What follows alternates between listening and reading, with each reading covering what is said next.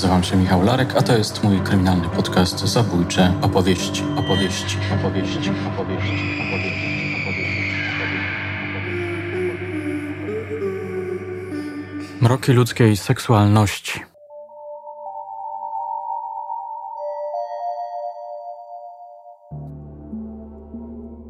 Tego dnia Z miał iść na drugą zmianę, więc wstał później. Matki i konkubiny nie było już w mieszkaniu. Zjadł śniadanie, przygotował sobie kanapki do pracy.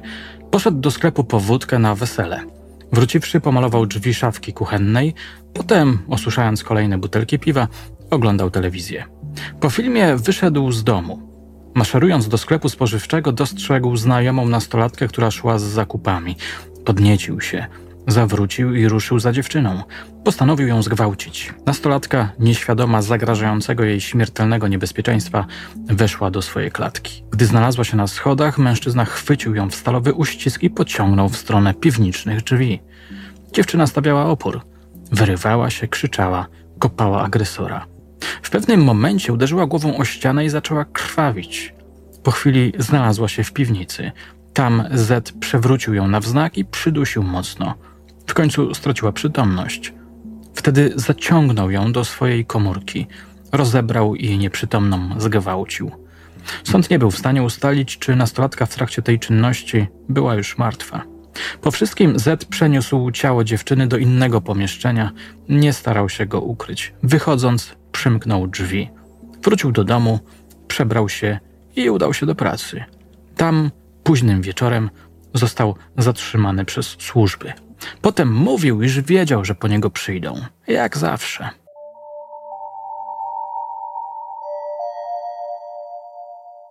Między innymi tego rodzaju przestępców bada Karolina Trojanowska, której mogliście posłuchać w jednym z odcinków serii zatytułowanej Szybkie pytania do eksperta. Moja rozmówczyni to psycholożka, psychoterapeutka, biegła sądowa w zakresie seksuologii, która regularnie i często opiniuje sprawców przestępstw na tle seksualnym. Moje drogie, moi drodzy, zapraszam Was dzisiaj do dłuższej rozmowy o mrokach ludzkiej seksualności.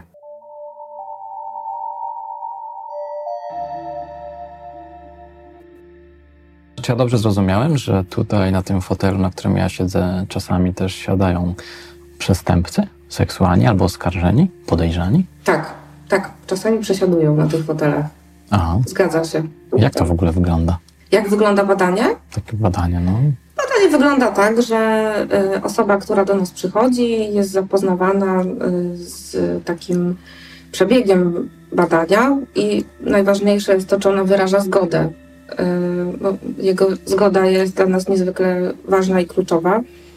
Jeżeli wyraża zgodę, to przeprowadzamy badanie i w trakcie takiego badania właściwie zajmujemy się zadawaniem pytań czy prowadzeniem takiego wywiadu od najwcześniejszych lat kogoś życia do, do dnia dzisiejszego rozmawiamy o tym, co się stało, czy ktoś ma świadomość tego, co się wydarzyło, jak on to pamięta, jak, jak to przedstawia, jakie ma uzasadnienie tego, co się wydarzyło. Później y, zazwyczaj jest tak, że ponieważ my pracujemy y, również po, korzystając z narzędzi takich psychometrycznych, takich jak testy psychologiczne e, czy testy e, seksuologiczne, no to właśnie taka osoba też rozwiązuje takie testy. Ten materiał, który mamy i dane z akt sprawy, jakby stanowią taki trzon opinii. To znaczy, że po prostu zbieramy, syntetyzujemy całość i stawiamy yy, wnioski. Mhm. Czyli, a te wnioski są zazwyczaj podyktowane tym, jakie dostajemy pytania, to znaczy jakie sąd, czy prokuratura, czy policja zadaje nam pytania. Okej, okay, a teraz bardziej mi chodziło o taki klimat emocjonalny, że wchodzi tu ktoś taki, siada naprzeciwko ciebie i mhm. jaka wtedy jest energia, co, co ty wtedy czujesz? Są jakieś obawy? Myślę, że ja już tyle lat y, opiniuję, że ja nie, nie czuję lęku jako takiego. Na zasadzie wiadomo jest, że, że zachowuje się jakieś wszystkie procedury bezpieczeństwa, to znaczy takie, że y, no, staramy się raczej, y, jak jesteśmy razem, bo zazwyczaj właśnie opiniuję w zespole, więc opiniuję z koleżanką, jesteśmy razem, więc jak jesteśmy razem, to w ogóle też czujemy się bezpieczniej. To też nie jest tak, że, że to są przestępcy, którzy, czy osoby właśnie oskarżone, podejrzane, yy, są osoby, które mają ze sobą przestępstwa związane z przemocą. To, to taki, takie osoby są, ale też są takie osoby, które y, popełniły przestępstwo przeciwko wolności seksualnej, ale na przykład takie, które były przestępcami takimi, przestępstwami takimi bezdotykowymi, y, czy na przykład były to przestępstwa wobec małoletnich. Raczej nie mam poczucia, żeby działo się tak, że przychodzi tu ktoś bardzo groźny i na przykład no, jest bez nie jest zabezpieczony, tak? Bo zazwyczaj, jeżeli ktoś przychodzi, kto jest bardzo e, osobą taką przemocową, niebezpieczną, e, to zdarza się rzeczywiście, że e, no, sąd nie zgadza się na nic innego, ale, ale sąd raczej zastrzega, żeby ona pozostała raczej w, zakuta w kajdanki, to znaczy takie kajdany bardziej na nogi, bo jakoś nam bardziej zależy, żeby też zobaczyć ekspresję tego człowieka, więc chcemy, żeby, żeby jego dłonie były wolne po prostu. Plus musi mieć wolne dłonie do tego, żeby też móc napić się wody, bo to jest też dla mnie kluczowa rzecz, że ktoś przez jakiś czas tutaj y, jest, odpowiada na pytania i też ma potrzeby, może napić się wody, ale też musi rozwiązać test psychologiczny, y, czyli no, wziąć do ręki długopis skorzystać z tego testu papierowego. Nie wiem, czy odpowiedziałam dobrze na Twoje pytanie, ale nie mam poczucia jakiegoś e, takiego zagrożenia, mm, które tam płynie. Ja nie jestem w stanie rano, jak przed badaniem, się uspokoić. To nie, nie absolutnie. Ale, aczkolwiek też omawiamy między sobą też uczucia, jakie mamy w trakcie badania, po badaniu. To, e, to są bardzo ważne informacje, e, ponieważ jak się pracuje w zespole, to też się obserwujemy. To daje bardzo cenne informacje na temat e, tego, co się wydarzyło w trakcie tego badania, ale też tego, e, jaki ta osoba ma wpływ na nas, e, jaki może mieć ewentualnie wpływ, czy miał ewentualny wpływ na osobę poszkodowaną. To są takie informacje, które stanowią dla nas coś, co jest dodatkowe. To zacznijmy od, od podstaw. Mhm. Na czym polega Twoja praca jako biegłej w zakresie seksuologii? To jest taka praca głównie opiniodawcza. Głównie jak się skupiamy na takich kwestiach karnych, to, to praca dla takich instytucji jak policja, prokuratura, sąd, no i wtedy badamy osoby, czy badam osoby, które są podejrzane, oskarżone, e, czy też w ogóle już osadzone w, w zakładzie karnym. Odpowiadam na pytania, które mi zadaje jakaś instytucja, to znaczy, czy ta osoba ma zaburzenia preferencji seksualnych, czy ta osoba powinna zostać objęta psychoterapią, czy ten czyn który się wydarzył, w ogóle jak, jaka była motywacja czynu, który miał miejsce. I też jestem niejednokrotnie pytana o ryzyko recydywy, czyli czy ta osoba byłaby skłonna jeszcze raz naruszyć czyjąś nietykalność, jeszcze raz yy, no, popełnić przestępstwo, jak to się nazywa, przeciwko wolności seksualnej. To jest taka część mojej pracy yy, z osobami, ale też yy, pracuję w taki sposób, że mm, to jest taka część seksuologiczna, antropologiczna. W rzeczywistości ocenia się tak zwaną pornografię dziecięcą, czyli szacuje się wiek osoby, która jest na tych. Czy oglądasz jakieś materiały pornograficzne? Tak, tak, tak, tak, z udziałem osób małoletnich. Także to, to jest oglądanie takich zdjęć, oglądanie takich plików filmowych. Ale to musi być straszne. Czy przyzwyczaiłaś się już do tego?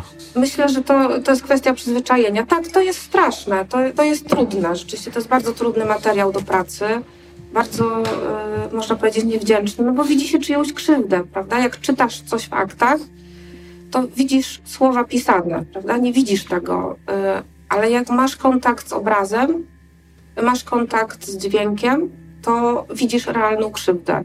Ocenia się te pliki pod względem e, właśnie wieku osób, które tam są, ale też wiktymizacji, czyli są różne poziomy wiktymizacji tych osób które są na tych plikach.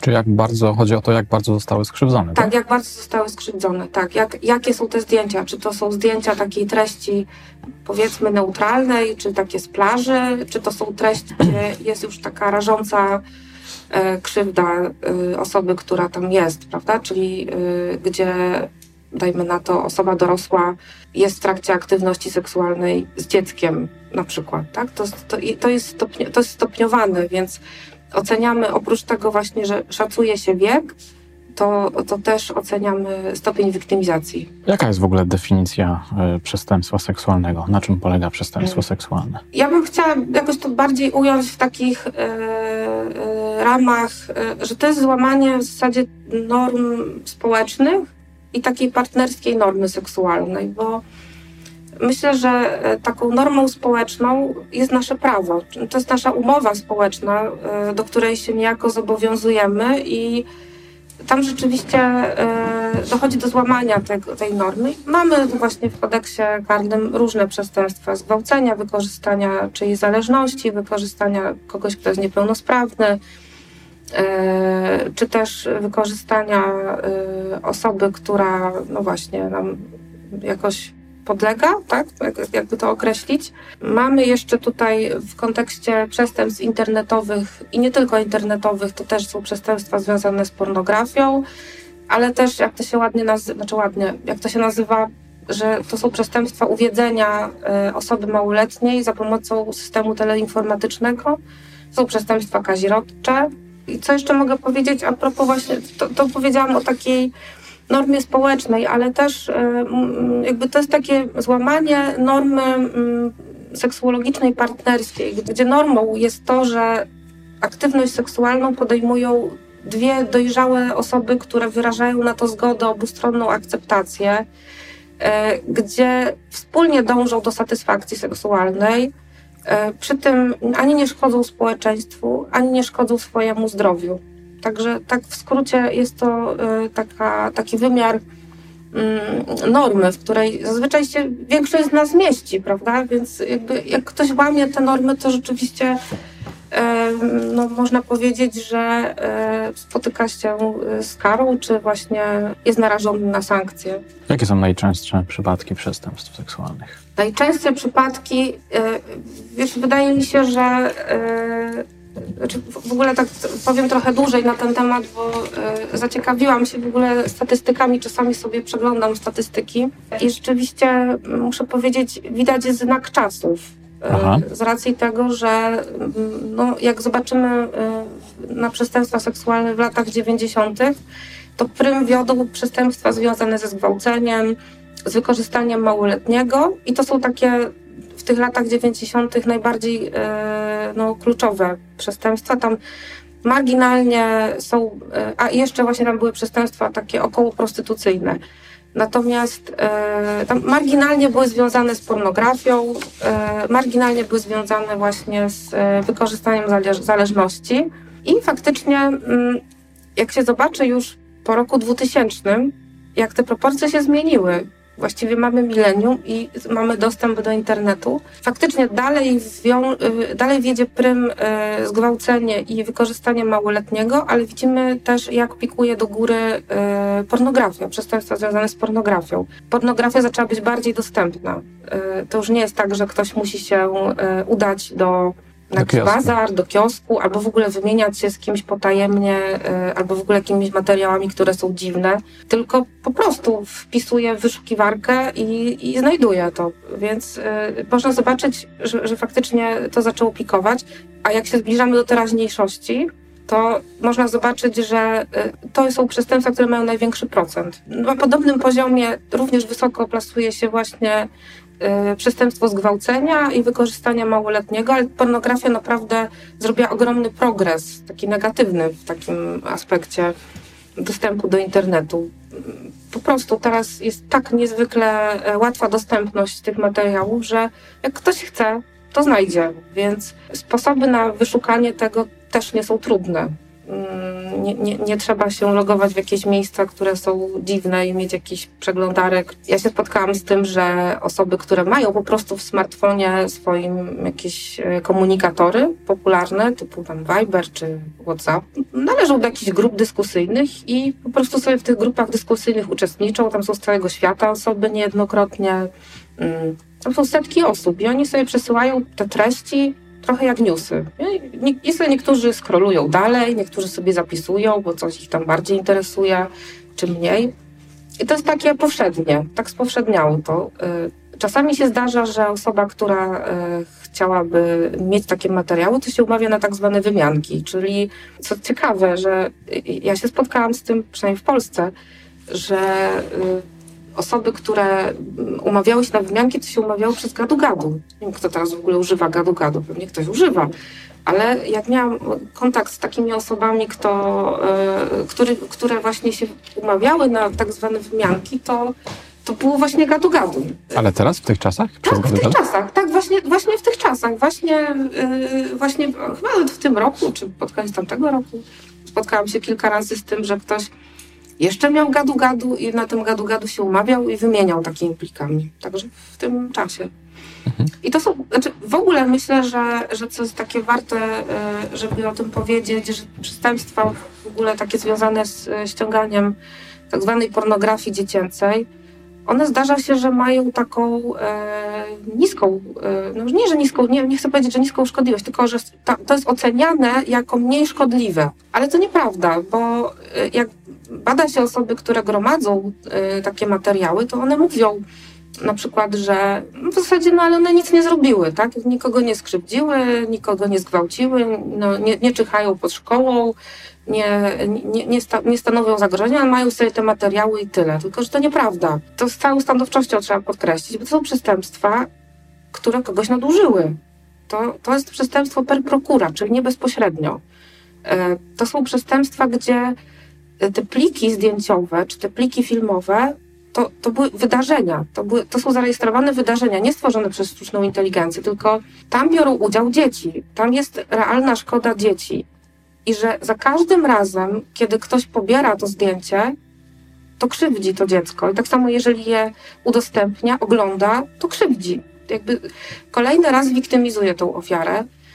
E, a poza tym, po prostu to jest rynek. Jest popyt, jest podaż. Jeżeli rynek kwitnie, to dlaczego ma się zatrzymać? Więc udział e, w wykorzystaniu jest oczywisty. Te przestępstwa, o których powiedziałam, są najczęstsze, e, ale takie związane z pornografią wydają się dość minimalizowane. Więc to, to, to, są takie przestępstwa naszych czasów, bardzo, no, bardzo widoczne. W zasadzie to jest taka bezradność naszych czasów. Jak nasze zdjęcie gdzieś wypłynie, e, czy naszego dziecka, czy kogoś, kogo znamy, to potem nie mamy na to wpływu. Przecież można kopiować te zdjęcia ile razy się chce, udostępnić komu się chce, można zrobić z nim co się chce. Mhm. Jesteśmy bezradni.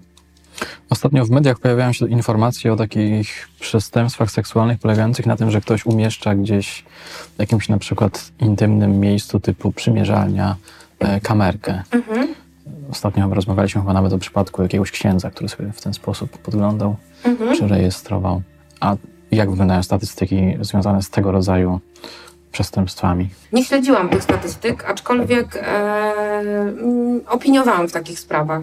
Aha. I to bardzo różne osoby. Nie, nie śledziłam tych statystyk e, i faktycznie mm, no jest to dość, nadu, dość to jest bardzo nadużywające. No to są sytuacje, gdzie e, ktoś naprawdę nie, nie wyraża na coś zgody. Jakby służy to tylko jednej osobie w zasadzie, osobie, która to sobie ogląda, gromadzi ktoś, kto się dowiaduje w ogóle o tym, że y, w ogóle uczestniczył w czymś takim, no, jest ogromnie skrzywdzony, czy jakby relacje takich osób są jednoznaczne, po prostu czują się odarte z godności, tak? Są miejsca, gdzie ktoś powinien czuć się bezpiecznie, ktoś idzie do toalety, czy do przymierzalni w akwaparku, no to chce czuć się bezpiecznie, a okazuje się, że ktoś z tego sobie czerpie satysfakcję. Tak, i to jest agresywne, to jest po prostu agresywne. To jest jakaś forma przemocy psychicznej, to jest coś, co bardzo dotyka.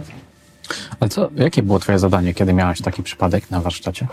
Co musiałaś e, zrobić? Jakie... Zbadać e, czyjeś e, preferencje seksualne. Aha. Prawda? Zbadać czyjeś preferencje. Czyli rozmawiałeś z kimś, kto nagrywa? Tak, tak, tak, tak. Na, rozmawiałam, rozmawiałam z kimś, kto nagrywa. Widziałam e, akta, które e, tam miały właśnie zgromadzone e, te filmy, czy, czy konkretnie te dane były tam e, okresy. E, rzeczywiście teraz wszystko jest e, scyfryzowane, więc widać jest od kiedy ktoś gromadzi takie materiały, czy, czy przynajmniej na tych materiałach, które policja zdobywa. i widać jest na przykład taką dużą rozciągłość czasu, to już jeżeli to zdarza się często, jeżeli jest utrwalona, no to już jest jakaś preferencja, która jest zaburzeniem i i jeżeli ktoś nie jest w stanie się powstrzymać i to jest jakby poza nim, no to faktycznie e, tak. No, moim zadaniem jest zobaczyć, czy, czy uznać, nazwać, e, zdiagnozować, czy to, co ta osoba zrobiła, e, no, jest zaburzeniem preferencji. A podglądanie, nagrywanie mhm. jest jakąś parafilią? Tak. To jest wojeryzm, to jest podglądanie okay. osoby, która nie wyraża na, co, na to zgody. Jakie są najczęstsze przypadki w Twojej praktyce? Najczęściej y, zdarza mi się y, praktykować w taki sposób, że przychodzą osoby, badania, które wykorzystały osobę małoletnią. Zdarza się też, że dość często przychodzą osoby, które y, no, zgwałciły ale też duża część jest właśnie taka związana z pornografią, albo gromadzeniem pornografii, y, albo rozpowszechnianiem. Y, także tak, to są takie przestępstwa, które najczęściej jakoś są tutaj opiniowane.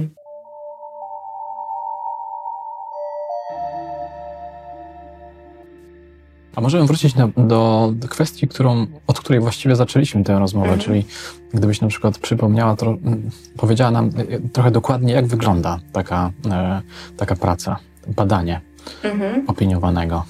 Czyli zasiada przed mhm. tobą, są jakieś testy, tak? Jakieś pytania? Najpierw wyraża zgodę, e, jest zapoznawany z tym, co tu będzie. Znaczy najpierw jest zapoznawany z tym, co tutaj się będzie działo może wyrazić zgodę bądź nie. No, też informujemy o tym, że każdy może cofnąć zgodę w każdym momencie. To jest jego prawo. Mhm.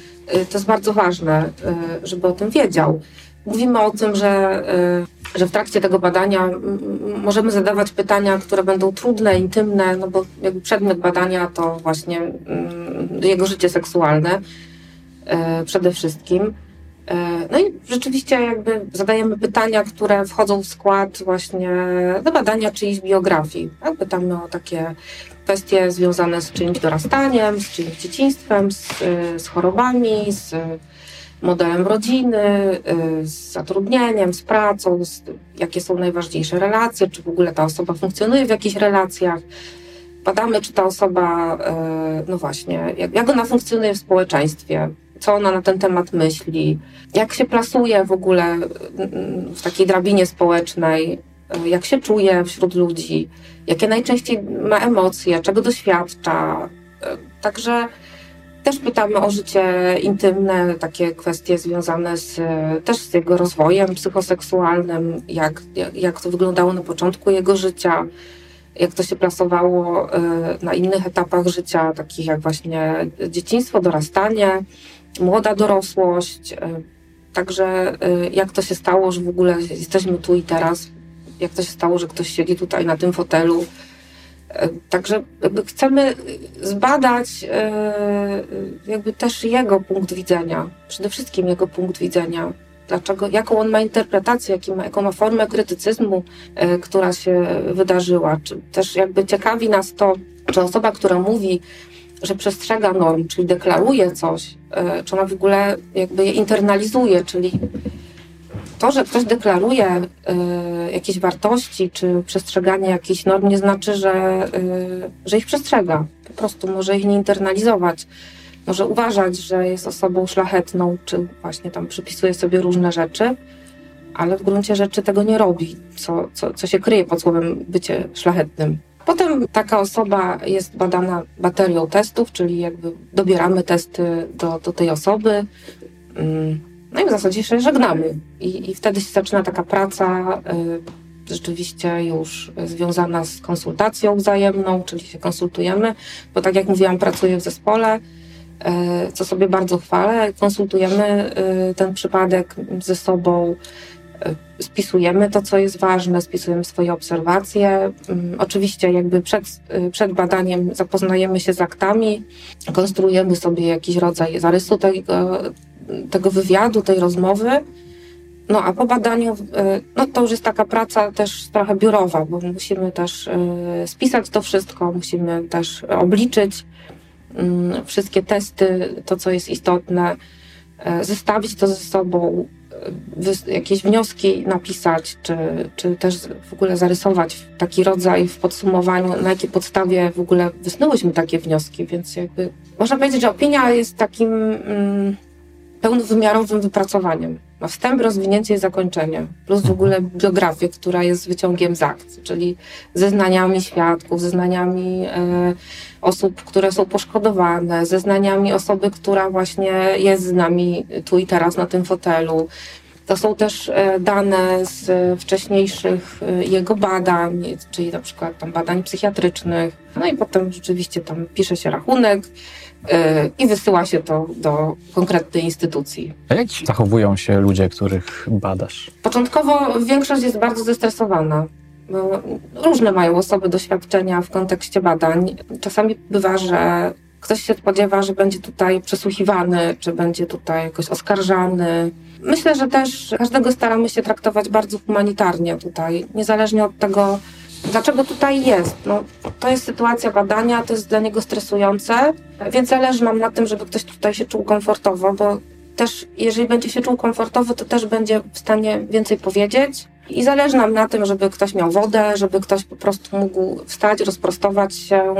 Yy, Zazwyczaj tak się dzieje, że po którejś minucie to napięcie takie największe spada. Zdarza się, że, że przez, całą, y, przez całe badanie ktoś stara się, ktoś jest bardzo spięty i taki skontrolowany. Y, to też się zdarza. Co jeszcze mogę powiedzieć? Y, zdarza się, że osoby, które na przykład, to, to, to, są, to, to są bardzo trudne sytuacje, kiedy ktoś jest w areszcie śledczym już któryś miesiąc i nie może kontaktować się z rodziną i nie wie, co się dzieje w jego rodzinie nie wie, co rodzina myśli na ten temat.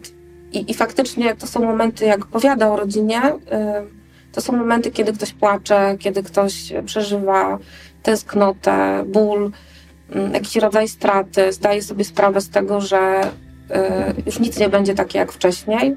Także to są takie przykre momenty, w których rzeczywiście widać, że ktoś jest y, w bardzo złym stanie psychicznym tak, zdarzały się osoby, które są w złym stanie psychicznym, bo przeżywają to, co się wydarzyło, jako naprawdę ogromny kryzys, naprawdę załamanie linii życiowej. To jest dla nich coś fatalnego.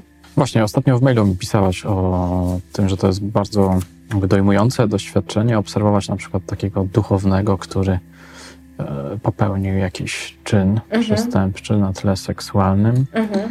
No i zaczyna to bardzo mocno przeżywać, bo zdaje sobie sprawę, że jego życie uległo nieodwracalnej zmianie, może nawet posypało się. Mhm. No tak, to, to niezależnie od tego, czy mówimy o osobie duchownej, czy mówimy w ogóle o osobie, e, która e, staje przed wymiarem sprawiedliwości, to tak myślę, że w dużej mierze e, ciężko w ogóle to ukryć. Nawet jeśli ktoś nie ma kary więzienia, no nie jest osadzony w areszcie, to jego rodzina o tym wie te pisma przychodzą. Ktoś się musi stawiać na, e, czy do prokuratury, czy do sądu, czy na badania. Ciężko jest to ukryć, więc e, też czasami takie informacje, że ktoś popełnił jakieś przestępstwo, trafiają do miejsca pracy. A jeżeli chodzi o osoby duchowne, no to oprócz tego, że ktoś właściwie dostaje nakaz na przykład bycia w jakimś miejscu yy, dla siebie no, nieznanym, dajmy na to. Często się tak zdarza, że ktoś trafia do osób, które, znaczy, że ktoś trafia do domu księży chorych, to się tak nazywa, i tam pełni posługę. W zasadzie nie można dopuszczać tego miejsca, bo tak się też zdarza. Yy, może w zasadzie też tylko no, mieć taką posługę wśród tych starszych osób, które tam są i nic, i nic więcej. Czasami nie ma w ogóle widoku na to, żeby ta osoba mogła pełnić posługę jakąkolwiek w świecie, tak? takim, jaki dotychczasowy znał. Więc tak, oprócz tego, że ta osoba traci zawód, można powiedzieć, i traci y, miejsce, do którego przychodził, którym właśnie pracował, które y, było jego codziennością, to tak myślę, że w kontekście osób duchownych, to ta osoba traci coś, co było osią jego życia można powiedzieć, tak? Bycie osobą duchowną to jest posługa. Oprócz tego, że to jest zawód, to to jest też jakiś rodzaj posługi i jakiejś idei budowanej wokół tego i ktoś to traci nagle, tak? To jak e, rozmawialiśmy ostatnio, to tak jakbyśmy, tak jak mm, dałam ci przykład, e, że tak jakby ktoś zabrał pióro, jakby tobie zabrał e, klawiaturę, jakbyś nie mógł czytać i co wtedy? No, jakby, Posypałbym się. no, no właśnie, cała twoja struktura e, no, rzeczywiście jest wtedy w rozsypce, bo musisz dokonać nowej narracji swojego życia. Tak opracować ten kryzys, żeby się nie sypać, żeby się odbudować jakkolwiek. Więc tak, to jest ogromny kryzys. To jest coś, co jest rzeczywiście dramatyczne. Tak, więc jakby ja tego nie, nie mówię w kontekście oceny czy usprawiedliwienia, tylko bardziej mówię, że jest coś dramatycznego też w tym, że, że ktoś realizuje na przykład y, te preferencje, które są po prostu niedozwolone, dajmy na to, i nagle się okazuje, że jego życie y, jest kompletnie w rozsypce, jest w kryzysie. A jak ty się czujesz, mm, wnikając, przenikając, no takie właśnie mm, wstydliwe tajemnice erotyczne, seksualne innych ludzi? Staram się podchodzić do tego z największym szacunkiem. Wiem, że ta osoba, y, która o tym mówi, prawdopodobnie mówi to po raz pierwszy w swoim życiu. Nie zawsze tak się dzieje, że, y, że osoba y, po raz pierwszy mówi o tym w swoim życiu, ale zależy mi na tym, żeby osoba poczuła się uszanowana i żeby mogła powiedzieć to, co czuje, nie, nie musieć tego ukrywać. Oczywiście, że, że to, to ja swoje, a ktoś swoje. Znaczy, że zdarza się, że w trakcie y, takich y, badań seksuologicznych po prostu ktoś zaprzecza w ogóle, że ma życie seksualne, tak? Jakby w ogóle przedstawia się trochę jak taka istota, która jest bezpłciowa, bezseksualna, w ogóle nie doświadcza niczego. To też się zdarza, no ale no cóż, ja nie mogę na to wpłynąć. Zadaję pytania, jeżeli ktoś jakby idzie w tym kierunku, że no, w zasadzie nie jest istotą seksualną, tylko kompletnie neutralną, to trudno. No cóż mogę zrobić? Nie mogę nikogo zmusić, nie chcę. To też jest jakaś postawa względem badania. Rozmawiając z takimi ludźmi, można, nie wiem jak to u ciebie jest, można uświadomić sobie, że ludzie to są takie istoty, które mają w środku siebie jakąś skazę i na przykład ta skaza może, być, może mieć charakter erotyczny i seksualny. Mhm. I, jest, I wtedy można jakby dojść do wniosku, że człowiek y, no, ma jakąś wadę Mhm. ukrytą, przypisaną temu gatunkowi. Mhm. I to może, nie wiem, wpłynąć w ogóle na myślenie o, o ludziach. Hmm. Znaczy, y, czy może wpływać to na y, myślenie o ludziach? No bo Ja rozmawiasz z kimś i się Mhm. zastanawiasz, dobra, jaką on ma a, tajemnicę e, wstydliwą, może e, A złą? kto nie ma? No. Z drugiej strony, kto nie ma? Myślę, że każdy ma i każdy ją bardzo chowa w sobie i każdy jakąś ma. I w sumie cały świat nie musi znać naszych tajemnic, tak? To, to też jest zdrowe, że mamy jakiś intymny świat, który y, no, jest tylko dla nas. Każdy ma. Myślę, że każdy ma swój cień. Im bardziej się jest świadomym tego cienia, czy takiej części swojej, która jest mroczna, która jest taka, mówiąc bardzo obrazowo, perwersyjna, jeżeli mamy wgląd w to i wiemy, że to mamy, to myślę, że jesteśmy w stanie bardziej to kontrolować. Nie zaprzeczamy temu. No, to jeżeli ktoś zaprzecza takiej części właśnie seksualnej, czasami właśnie takiej mrocznej, mm, jakimś fantazjom, które ktoś miewa, jeżeli temu zaprzecza, to myślę, że y, działa to z odwrotnym skutkiem. Zastanawiałaś się kiedyś, albo szukałaś odpowiedzi na pytanie, skąd w ogóle to się znalazło w człowieku? Dlaczego coś takiego jest w człowieku? Mhm. Mam takie poczucie, że odkąd pracuję, to y, coraz częściej, może nie, że coraz częściej, ale myślę, że za każdym, y, za każdą trudnością i psychopatologią stoi jakiś rodzaj deficytu. Czy jakiejś trudności, której ktoś doświadczył kiedyś, albo właśnie nie doświadczył czegoś. Nie mam jakiejś takiej jednej hipotezy dotyczącej skąd się to wzięło. Każdy jest inny. Bardzo lubiłam taki przedmiot na psychologii, nazywał się różnice indywidualne. I, i- ludzie się śmieją z tego, że jak idą do psychologa albo jak zadają psychologowi pytanie, y, to słyszą, to zależy. I nikt tego nie lubi w ogóle. Mówię, no w ogóle jak? No dlaczego, że, że to zależy? No tak, to zależy. No każdy z nas jest inny każdy z nas ma jakąś historię, którą e, dźwiga. To jest taka historia właśnie związana z tym, że właśnie mamy jakiś rodzaj genów, czyli mamy temperament, mamy jakiś rodzaj środowiska, z którego się e, wywodzimy, mamy jakąś rodzinę, mm, mamy e, jakiś styl przywiązania, czyli jakby też e, mamy w naszym życiu obiekty, które się nami opiekowały, bądź nami się w ogóle nie opiekowały, albo nas nadużywały. E, To, to, to tworzy jakąś historię nam. Mamy też w ogóle przekazy transpokoleniowe, czyli to, co tam się dzieje w rodzinie, też bywa przekazywane i to jest nieprawdopodobne, jak bardzo wiele e, my niesiemy na plecach, już jak się rodzimy. My nie jesteśmy taką czystą kartą. Myślę, że już niesiemy y, jakiś rodzaj trudności, Boże, jak to nihilistycznie brzmi, rodzaj trudności, jak się rodzimy. No, nie, no nie jesteśmy y, tabula rasa. Nie, nie, nie. Jakby mamy jakiś kontekst, już jesteśmy w czymś osadzeni mamy y, właśnie temperament, mamy rodzinę, czy w ogóle jakieś otoczenie, w którym jesteśmy i to nas, to nas jakoś kształtuje. Wspomnieliśmy parę minut wcześniej o duchownych. Mhm. No właśnie, bo szczególnie bulwersujące, bulwersujące przestępstwa są dokonywane przez y, autorytety moralne, tak zwane mhm. autorytety moralne, przez nauczycieli, mhm, mhm. jakichś pedagogów, mhm. duchownych. W rozmowie ze mną wspomniałaś o autorytecie w natarciu. Mhm.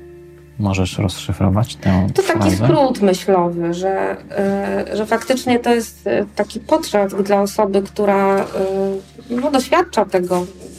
Zazwyczaj to jest to dziecko. Zazwyczaj, bo najczęściej dotyczy to dzieci. To jest tak, że osoba, która no, jest w kontakcie z takim dzieckiem, buduje swój autorytet, albo ma już w ogóle swój autorytet, jest postrzegana przez otoczenie jako autorytet, no i z jakiegoś powodu e, wyróżnia dane dziecko, więc e, buduje taką więź z osobą, która właśnie nazywamy poszkodowaną i stopniowo, stopniowo, stopniowo e, właśnie tak ją zawłaszcza, można to powiedzieć. E, nazywamy to groomingiem, czyli takim uwodzeniem stopniowym że najpierw zaczyna się od takich treści neutralnych, to znaczy najpierw w ogóle zaczyna się od tego, że ta osoba jest wyróżniona, dostaje SMS-y, dostaje, mm, dajmy na to, czas dodatkowy, dostaje jakieś benefity z tej relacji. Rzeczywiście ta osoba czuje się e, wyróżniona, wyjątkowa, e, widzi i czuje się dostrzeżona. W międzyczasie właśnie jak, jak to następuje, to rzeczywiście ta osoba, która jest autorytetem i, i, jest nadużywająca bada otoczenie też, bada otoczenie tego dziecka i widzi, czy tam ktoś reaguje na to, czy nie reaguje. Jeśli nie reaguje, no to idzie dalej. To jest taki, takie stopniowane, to nie dzieje się natychmiast, to się stopniuje czasami miesiąca, czasami nawet lata. I tam po tych neutralnych treściach E, czy neutralnym czasie przychodzą takie momenty, kiedy dziecko dostaje na przykład takie przemycane treści seksualne. Dajmy na to, że osoba tam pyta o narządy płciowe, o wygląd ciała, e, opowiada też trochę o swoich narządach. No to taka treść wydaje się e, dość delikatna, ale, ale to już jest przemycane i ta osoba patrzy na to, jak mm, to dziecko reaguje. I stopniowo, stopniowo, stopniowo idzie to dalej. Na przykład ta osoba dorosła prosi o zdjęcie, a jak się zdarza, że dziecko odmawia tego zdjęcia czy, czy jakiegoś filmu, no to jest wbijane w poczucie winy. No, dlatego ten czas i budowanie tego czasu, tego, tego uwiedzenia tyle trwa. No, poczucie winy się zazwyczaj pojawia, bo dostaje dziecko komunikat, ale ja nie chcę od ciebie wiele, skrzywdziłeś mnie, yy, nie spodziewałem się tego po tobie, ja nie chcę tak wiele, liczyłam na ciebie, czy liczyłem na ciebie. No cóż, dziecko jak jest tak uwikłane emocjonalnie, no to co robi? No realizuje zazwyczaj, czy wysyła te zdjęcia, czy wysyła jakieś filmy. Idzie to niejednokrotnie dalej, czasami się zatrzymuje na tym etapie, czasami idzie dalej, yy, aż do wykorzystania takiego seksualnego w sposób fizyczny. Więc widać jest, że to progresuje e, i, i, i, to jest najtrudniejsze dla osoby, która uczestniczy w tym jako poszkodowana, że ciężko jest odmówić, bo jest uwikłana w relację, po prostu relację emocjonalną. Ona się czuje e, jakoś zobowiązana do tego, żeby się odwdzięczyć za tą wyjątkowość. Więc e, też się zdarza, że się ktoś czuje winny temu, co się tam wydarzyło i, i, i właśnie nie, nie zgłasza tego, nie, nie mówi rodzicom. Także to są, to są często takie przestępstwa, które są, znaczy takie czyny są powtarzalne. To nie jest tak, że, że to jest jednokrotne, tylko zdarza się kilka razy. Mhm. Ostatnio Rzeczpospolita opublikowała artykuł zatytułowany Lista księży podejrzanych i skazanych za przestępstwa seksualne mhm. w czasach PRL-u. Podesłałem Ci link. Mówiłaś, mhm. że przeczytałaś ten tekst.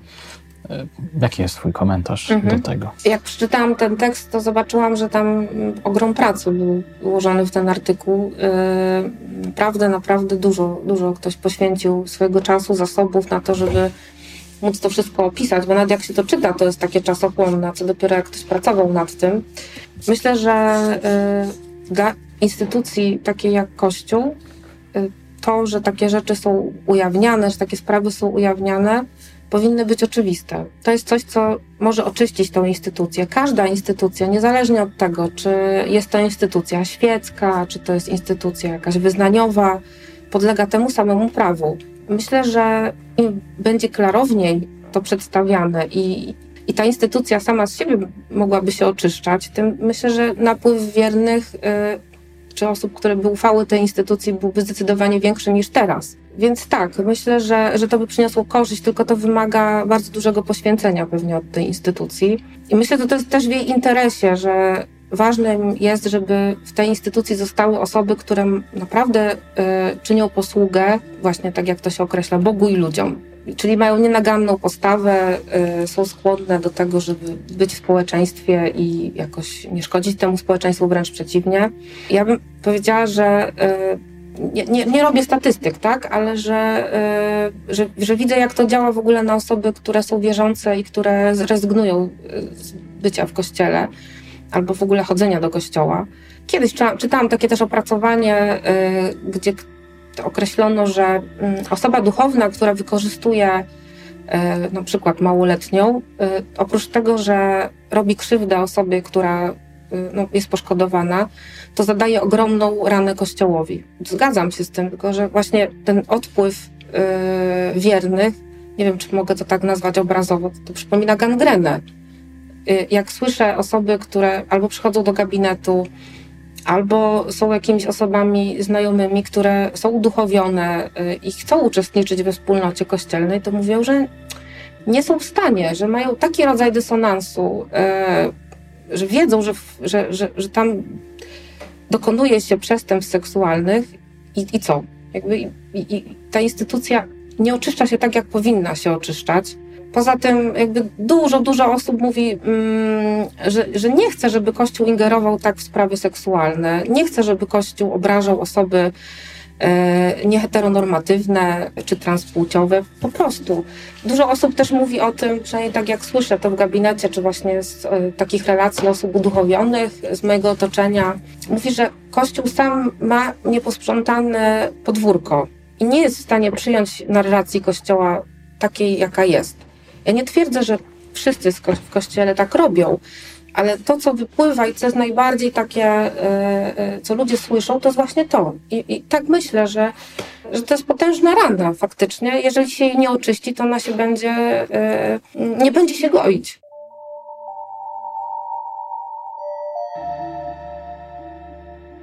Opiniowałaś duchownych. Mogłabyś jakiś cudzysłów ciekawszych przypadkach opowiedzieć? Tak, no opiniowałam niejednokrotnie osoby duchowne. Czy mogłabym powiedzieć o kilku przypadkach? Mogę powiedzieć o przypadkach, gdzie, yy, znaczy, przypominam sobie takie przypadki, gdzie rzeczywiście instytucja i dorosłych, i instytucja kościoła mogła zareagować, a tego nie zrobiła. Myślę, że gdyby w odpowiednim momencie ktoś zareagował, to osoby trafiłyby na leczenie, i, I, też nie byłoby tyle osób, które były poszkodowane, więc tak sobie przypominam. No, czasami mam tak, że mam poczucie e, takiego mm, pomieszania w tych sprawach, bo one mi się niejednokrotnie tam e, nakładają na siebie, są podobne do siebie.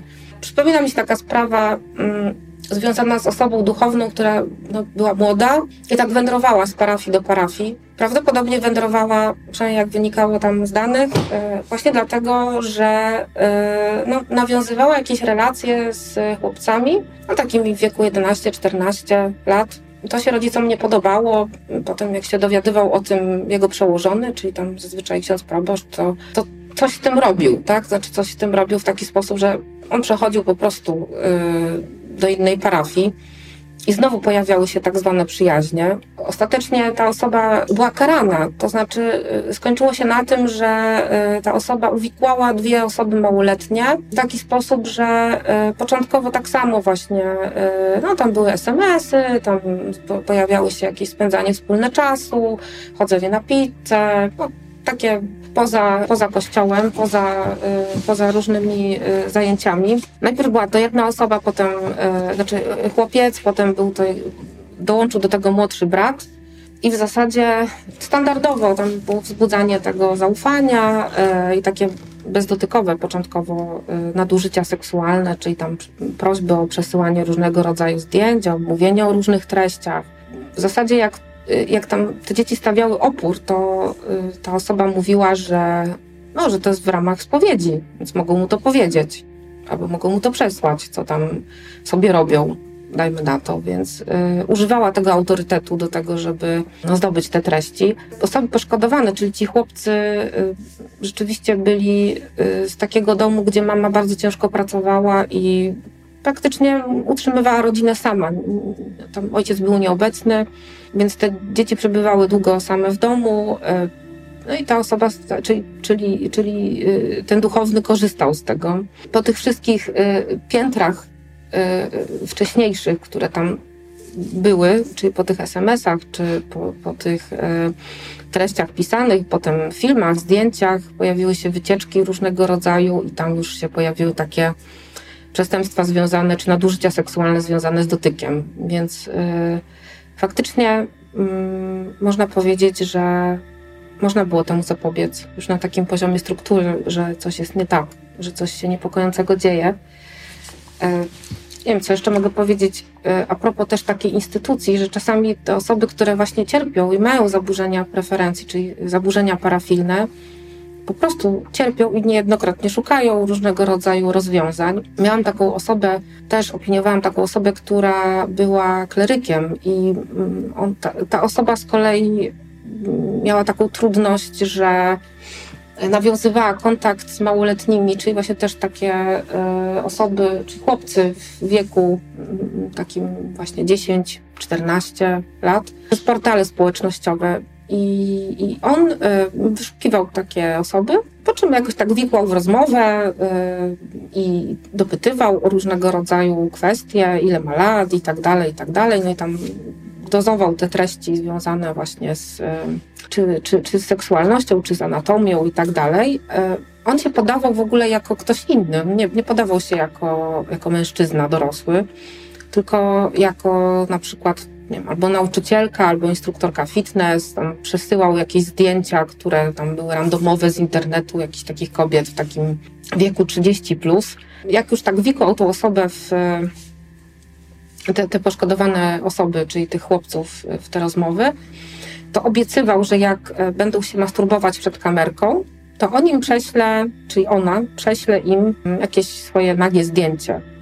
Zdarzało się rzeczywiście tak, że e, te małoletnie osoby ulegały temu i faktycznie się masturbowały do tej kamerki. Mm, on sobie to nagrywał i zrywał kontakt. Tak się zdarzało. I wyobraź sobie, że takich osób poszkodowanych to było kilkadziesiąt. Naprawdę było tego bar, bar, bardzo, bardzo dużo było tych osób i można pomyśleć, że mm, nikt przez dwa czy trzy dni, kiedy ta osoba, e, kiedy, kiedy ten mężczyzna rozmawiał z tymi dziećmi, czy z tymi, z tymi młodymi nastolatkami, nikt z dorosłych nie zobaczył, że dziecko jest pochłonięte na czacie. To były naprawdę długogodzinne rozmowy. To nie były takie rozmowy, gdzie cześć, cześć, tylko tam były długogodzinne rozmowy. Dorośli na to nie reagowali. Dopiero sprawa się wydała, kiedy siostra jednego z tych chłopców zobaczyła y, treść tych rozmów. No i wtedy ruszyła machina. Ten mężczyzna czuł w ogóle, że to jest dla niego bardzo trudne do powstrzymania. On sobie łagodził ten rodzaj napięcia emocjonalnego y, poprzez spowiedź. I on to zgłaszał swojemu spowiednikowi. Natomiast jak go pytałam o to, było to uznawane za grzech, ale nikt z tym nic nie robił. A ten człowiek realnie oprócz tego, że wyrządzał krzywdę, to sam cierpiał, bo mówił o tym, że po spowiedzi przez kilka dni był w stanie się wstrzymać od tego i dalej wracał. To było silniejsze od niego. Taki czuł napór e, potrzeb seksualnych i realizowania w ten sposób potrzeb seksualnych, że, mm, no, że wracał po prostu. Więc widzimy na poziomie instytucji e, właśnie, że można było zapobiec różnym rozwinięciu przestępstwa, czy w ogóle można było zapobiec takiej ilości poszkodowanych. Tak samo myślę, że instytucja dorosłych zawiodła. Myślę, że czujne oko opiekuna jest w stanie wychwycić coś takiego. Myślę, że dziecko, które ufa swojemu opiekunowi i czuje, że ktoś od niego wymaga, że coś jest nie okay, jest w stanie to powiedzieć. Czasami mówi się, że zniesienie celibatu zredukowałoby poważnie mm, liczbę przestępstw seksualnych.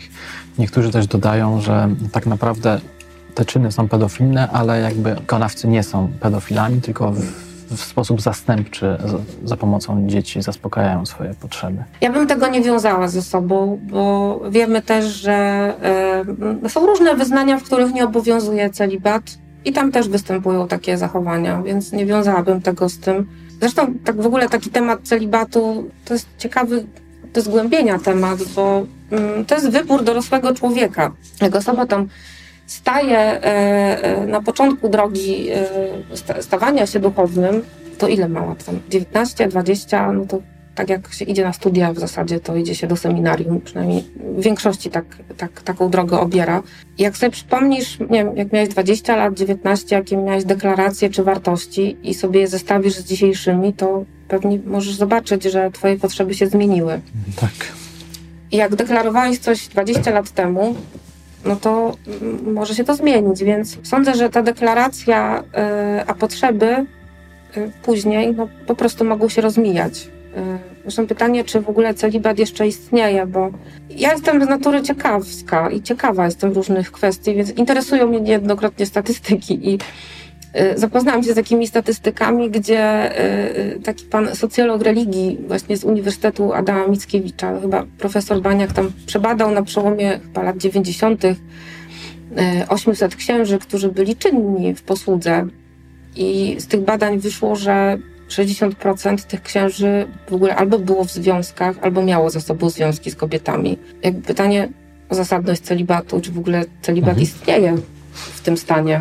Zresztą to jest w ogóle wstrzemięźliwość taka całkowita. Więc te osoby też dokonują w ogóle jakichś aktów autoerotycznych, czyli się masturbują. One, no są, każdy z nas jest istotą seksualną, więc no, myślę, że, że ten seks pojawia się w, w życiu każdego, w każdym zawodzie, w, na każdej przestrzeni życia.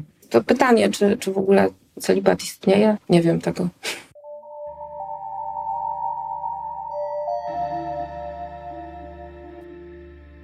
Przestępstwa seksualne, o których mówiliśmy, to właściwie były przestępstwa związane z e, dziećmi, z małoletnimi. Mhm. Więc chciałem jeszcze zapytać Ciebie o e, pedofilię. Mhm. Czym w ogóle jest? Skąd się bierze? Jak się rozwija? Mhm. Teorii pedofilii jest bardzo dużo. Jak, jak, sobie otworzysz podręcznik e, taki do seksuologii, to możesz zobaczyć, e, że jest bardzo wiele teorii. Natomiast żadna z tych teorii nie jest jakaś jedyna i obowiązkowa. E, ja zresztą bardzo lubię y, stwierdzenie polietiologii, czyli że jest wielość przyczyn jakiegoś zjawiska. Ja się skłaniam do tego rzeczywiście, że, że za tym, że ktoś staje się osobą, która ma zaburzenia parafilne, stoi kilka czynników.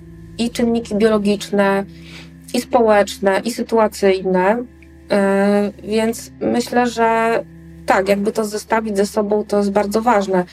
Biologiczne to to, że tak jak już powiedziałam, temperament jest też taką częścią, która mm, w zasadzie y, reguluje czy dyktuje to, jakie będziemy mieć cechy osobowości, jaką będziemy mieć pobudliwość. A potem y, taki kontekst społeczny, czyli te czynniki takie społeczne, to jest ta część właściwie lwia. To jest ogromna część, y, która wpływa na rozwój człowieka.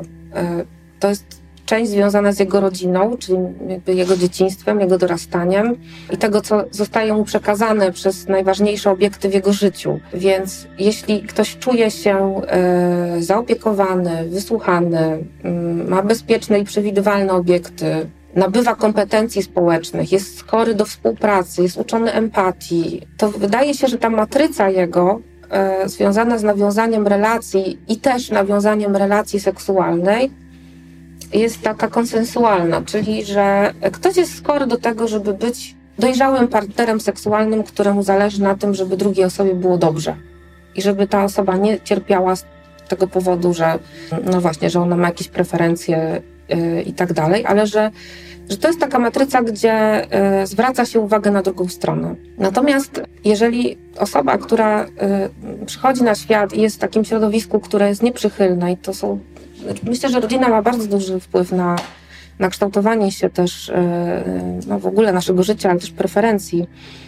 Jeśli mamy takie najważniejsze obiekty w naszym życiu rodzicielskie, które są nieakceptujące, niekontrolujące, sztywne, surowe, e, nieprzyjazne, przemocowe, to w zasadzie można pomyśleć, jak można kierować uwagę na kogoś, kto jest dorosły le, lepiej kierować uwagę na kogoś, kto jest zależny, kto jest słaby, kto, je, kto mnie będzie kochał, kto mi nie zagraża. Tak bardzo upraszczając, to, to, to tak, tak się kształtują preferencje, bo też jak mamy wiek nastoletni, to mamy taki czas, kiedy nasze preferencje się klarują. Znaczy, może nie tyle klarują, co rzeczywiście kształtują. I bo wtedy, jak się jest nastolatkiem, to ten świat e, seksualny staje się bardziej realny. E, tam ludzie mają pierwsze doświadczenia seksualne, sobie eksplorują ten świat.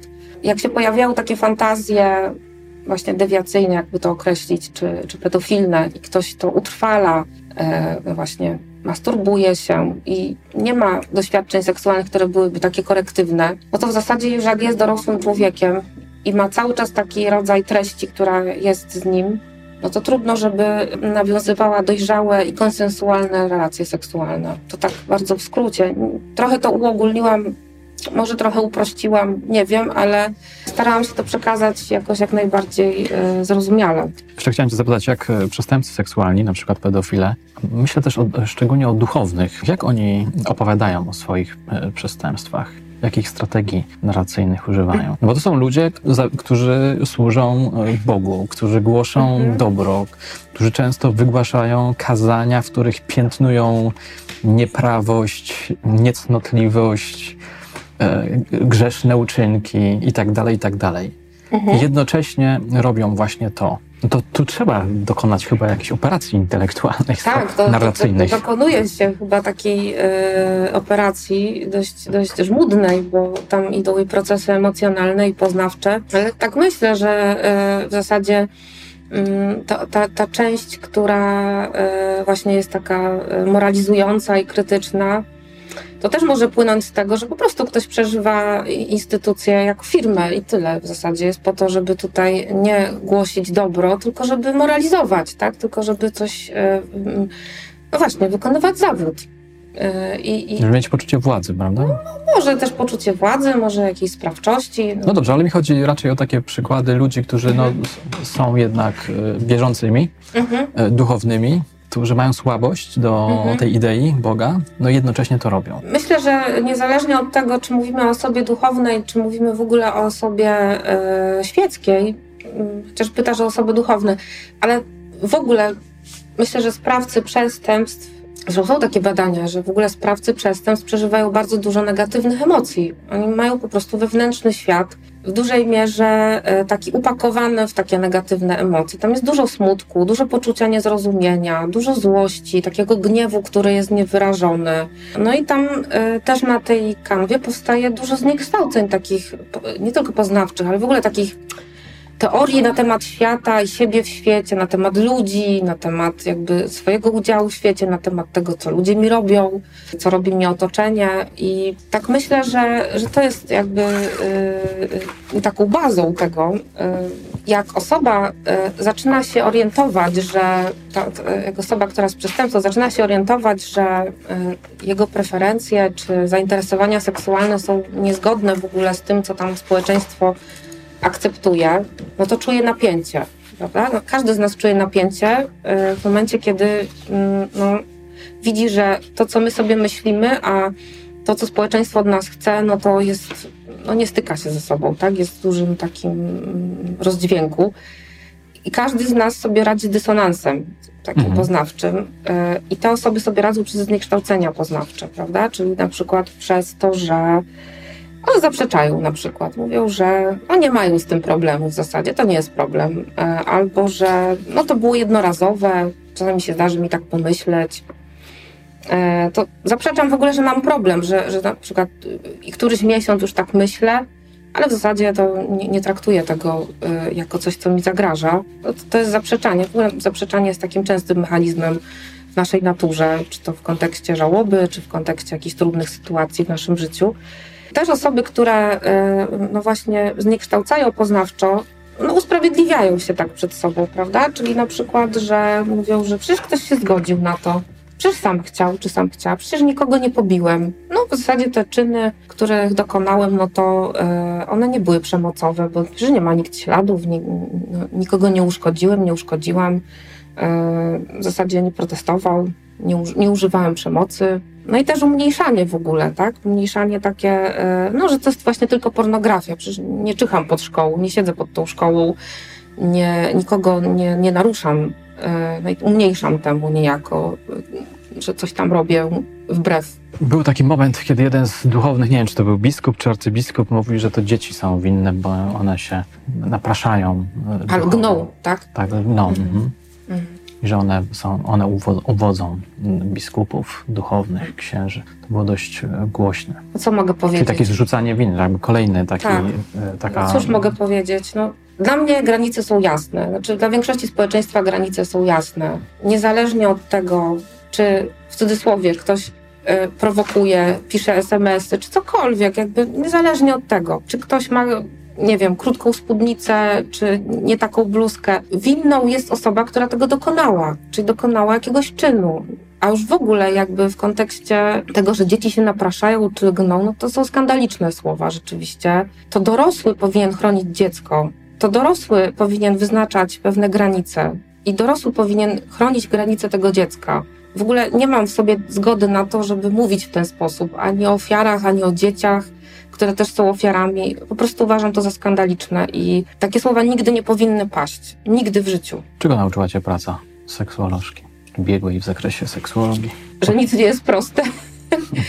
że nic nie jest proste. Ja nie lubię stawiać takich e, osądów, które są arbitralne. Bardziej mam w sobie taką część badacza, że lubię bardzo stawiać hipotezy i zastanawiać się nad rozwiązaniami. Lubię sobie zadawać pytania i, i zależy mi na tym, żeby to robić, żeby odpowiadać sobie na pytania z czyjąś pomocą i być dociekliwym w tym. Co mnie jeszcze nauczyło?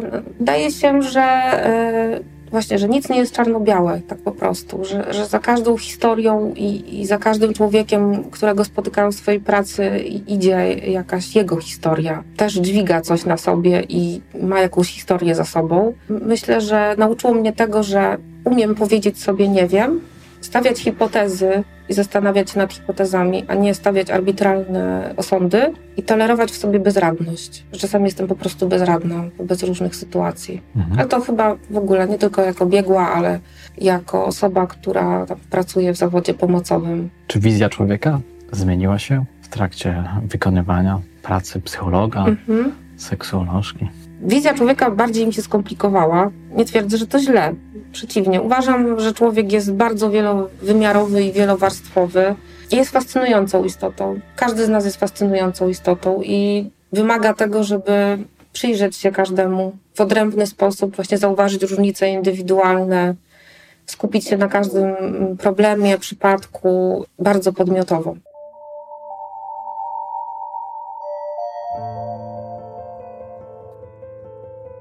Na koniec wrócimy na chwilę do zabójcy, o którym wspomniałem na początku tego odcinka.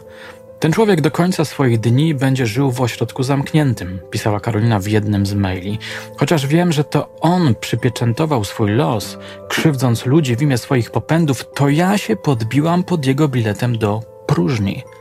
Szacowanie ryzyka powrotu do przestępstwa było zwyczajnie matematyką.